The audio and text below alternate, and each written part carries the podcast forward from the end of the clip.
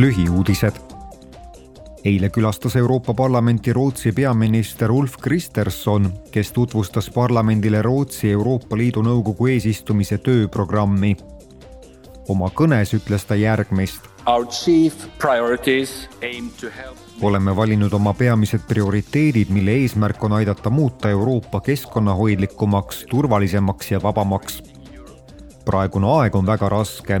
Euroopas käib sõda, mis on toonud kaasa lugematuid ohvreid ja julmusi, samuti energiakriisi ja majanduslanguse. järgnevad kuud saavad seetõttu olema väga keerulised. Rootsi peaminister lisas, et Euroopa esimene prioriteet peab olema Ukraina toetamine, sest see on võitlus demokraatia ja inimlikkuse eest. Rootsi on eesistujariik alates esimesest jaanuarist. Eesistumine kestab pool aastat. parlament arutas ka Euroopa Liidu reageerimist Venemaa viimasele raketirünnakule tsiviilelanike vastu Dnipros ning võimalust kehtestada Putini režiimile lisasanktsioone parlamendiliikmed küsitlesid komisjoni volinik Didier Reindersit ka väljavaadete kohta luua tribunal Venemaa Ukrainas toime pandud agressioonikuritegude uurimiseks. täiskogu hääletab resolutsiooni üle homme.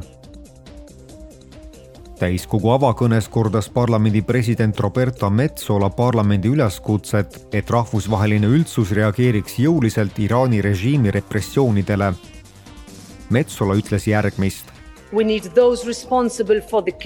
tapmiste ja hukkamiste läbiviijad ja vabade inimeste ahelais hoidjad peavad oma tegude eest vastutama.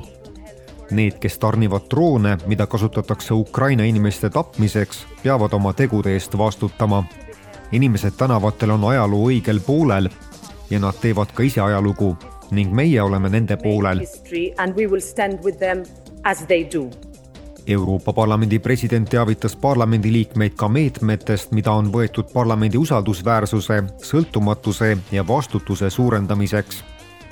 ta ütles järgmist. Viimase kuu sündmused on toonud kaasa vajaduse taastada nende Euroopa kodanike usaldus, keda me esindame. me peame seda tunnistama. kodanikud nõuavad meilt õigustatult vastutust ja ausust. me asume tegutsema lähtepunktina vaatleme, kuidas saame rakendada niinimetatud pöördukse efekti takistamise poliitikat, kuidas saaksime tagada suurema läbipaistvuse ja kuidas parandada huvirühmade esindajate vastutust ja kontrolli.